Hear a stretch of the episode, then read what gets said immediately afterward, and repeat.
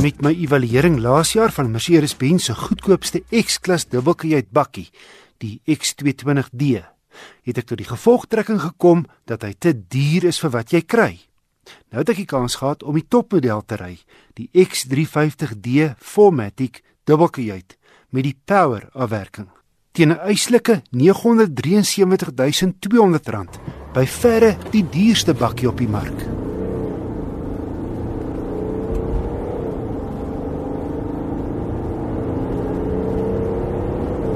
Mooi diep grom van die 3 liter turbo diesel, Mercedes se eie masjien, terwyl die ander X-klasse die Nissan Navara se 2.3 turbo diesel gebruik.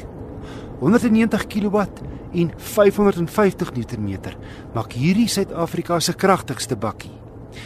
Nou ek skat belangstellendes het al baie rondom braaivleisvure bespiegel watter bakkie die vinnigste is.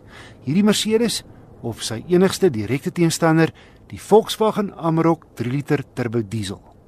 Met die eerste oogopslag lyk die X-klas na die wenner. Hy stoot 25 kW meer uit as die Amarok se 165 met eweveel wrinkrag. Maar die Amarok het 'n verrassing. Vir 10 sekondes gee die turbo jou 180 kW en 580 Nm wat die kragspeelveld min of meer gelyk maak. Maar daar's nog 'n faktor.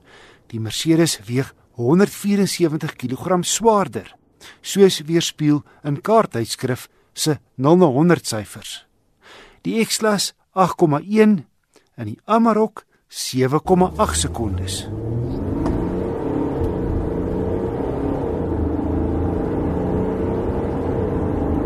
Die X350D se gesofistikeerde masjien trek sterk teen enige eenheidspoed. Stil op die oop pad met die toere 'n laat 2100 teen 120 en 7de rad. Die ratte kan jy met spanne agter die stuur wissel. Hoewel die bakkie agter met kronkelvere spog, het die ritgehalte nie beter gevoel as enige van die kompetisie met platvere nie. My gemiddelde verbruik was 9,9 liter per 100 km. Buitekant val die netjiese neusgedeelte op met 'n groot 3-puntster, LED dag en nagryligte en voor op die flanke pryk V6 turbo. Binnekant oor die algemeen goeie kwaliteit, maar 'n paar dinge kon beter ontwerp gewees het. Die klimaat en vuurtrekkontroles sit te laag, reg onder voor die ratkierie. En geen plek vir losgoed soos 'n sonbril nie. Spasie agterlangs voel ook effens meer beknop as die kompetisiesin. En eienaardig in hierdie prysklas. Die stuur kan net op en afstel, nie in en uit nie. En opsies op hierdie Power model soos navigasie wat jy eintlik dink standaard toerusting sou wees, het die prys tot ander kant 'n miljoen rand opgestoot. As ek moet opsom, die Mercedes X350D Power 4MATIC se 3 liter turbo diesel is baie indrukwekkend. Maar die binnery met 'n paar tekortkominge. En hoewel die 3-punt ster status aan die bakkie verleen, is daar niks wat hom beter maak as die top Amarok Extreme 3 liter turbo diesel nie. Soortgelyke toerusting, maar die Volkswagen V6, soos op hierdie programme jaar na half gelede getoets, is meer prakties en verbruikersvriendelik.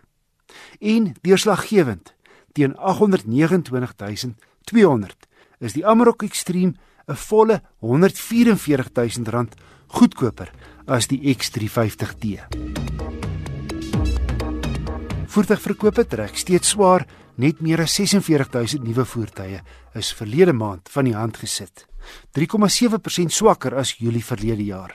Ten minste was die uitvoere aansienlik beter, byna 34300, 22% hoër as Julie verlede jaar. Toyota het weer koning gekraai, Volkswagen tweede, gevolg deur Nissan, Ford, Hyundai, Isuzu en Renault. Met Suzuki gaan dit baie goed hier in Suid-Afrika. Hy het verlede maand 9de beste verkoop met 1577 eenhede, net 22 minder as Kia in die 8ste plek. Maar beter as Mercedes en BMW in onderskeidelik die 10de en 11de plekke. 127 van die Suzuki's was Ertiga 7 sitplek snoetbussies wat nou in sy tweede generasie 13 cm langer en 4 mm breër is. 'n direkte teenstander van die Toyota Avanza. 'n generiese mensedraer voorkoms. My GL toetsmodel het met opsionele alloy wiele gekom wat beslis die ekstra geld werd is. Dit lyk stukke beter as die standaard plastiese wieldoppe. As spasie egter vir jou belangriker is as die voorkoms buite, luister bietjie hierna. Die tweede ry kan ver vorentoe en agtertoe skuif. In die rugleuning 1/3 2/3 plat slaan. En dan is die rugleunings ook verstelbaar. Verder maak die agterdeure byna 90 grade oop. En dan is hier vir die lugversorging ventilasiegate agter en die tweede ry passasiers kan die waaierspoed bepaal. En dan selfs met die derde ry sitplekke opgeslaan, is hier heel agter steeds plek vir 'n hele paar winkelsakke. Op die bodem heel agter is hier twee verwyderbare plastiese panele wat as die vloer dien maar waaronder jy ook waardevolle goed kan stoor. Albei die tweede en derde rye se rugleunings vou heeltemal plat indien nodig en selfs die passasiers in heel voor sou jy 'n 3 meter lange pyp of stuk hout of wat ook al die dag moet inlaai. Hier skoppiehouers reg rondom en 'n oulike ding, die koppie in die houer heel voor kan met 'n ventilasieopening verkoel. Hierdie GL model bied nou Bluetooth verbinding en USB en 12 volt punte. Kritiek is dat die klankstelsel op die sentrale skermpie nie so maklik werk nie. Die bestuurder se stoel is nie hoogteverstelbaar nie en net twee ligsakke voor en geen traksiebeheer nie, maar wel drie sensors. Plusse is dat die 1.5 liter gewillig trek, die 5-spoed baie glad wissel, die draaisirkel lekker klein is vir stadsryery en die goeie ritgehalte beïndruk. Die verbruik op my stad oopatroete was 'n baie goeie 6.5 liter per 100 km.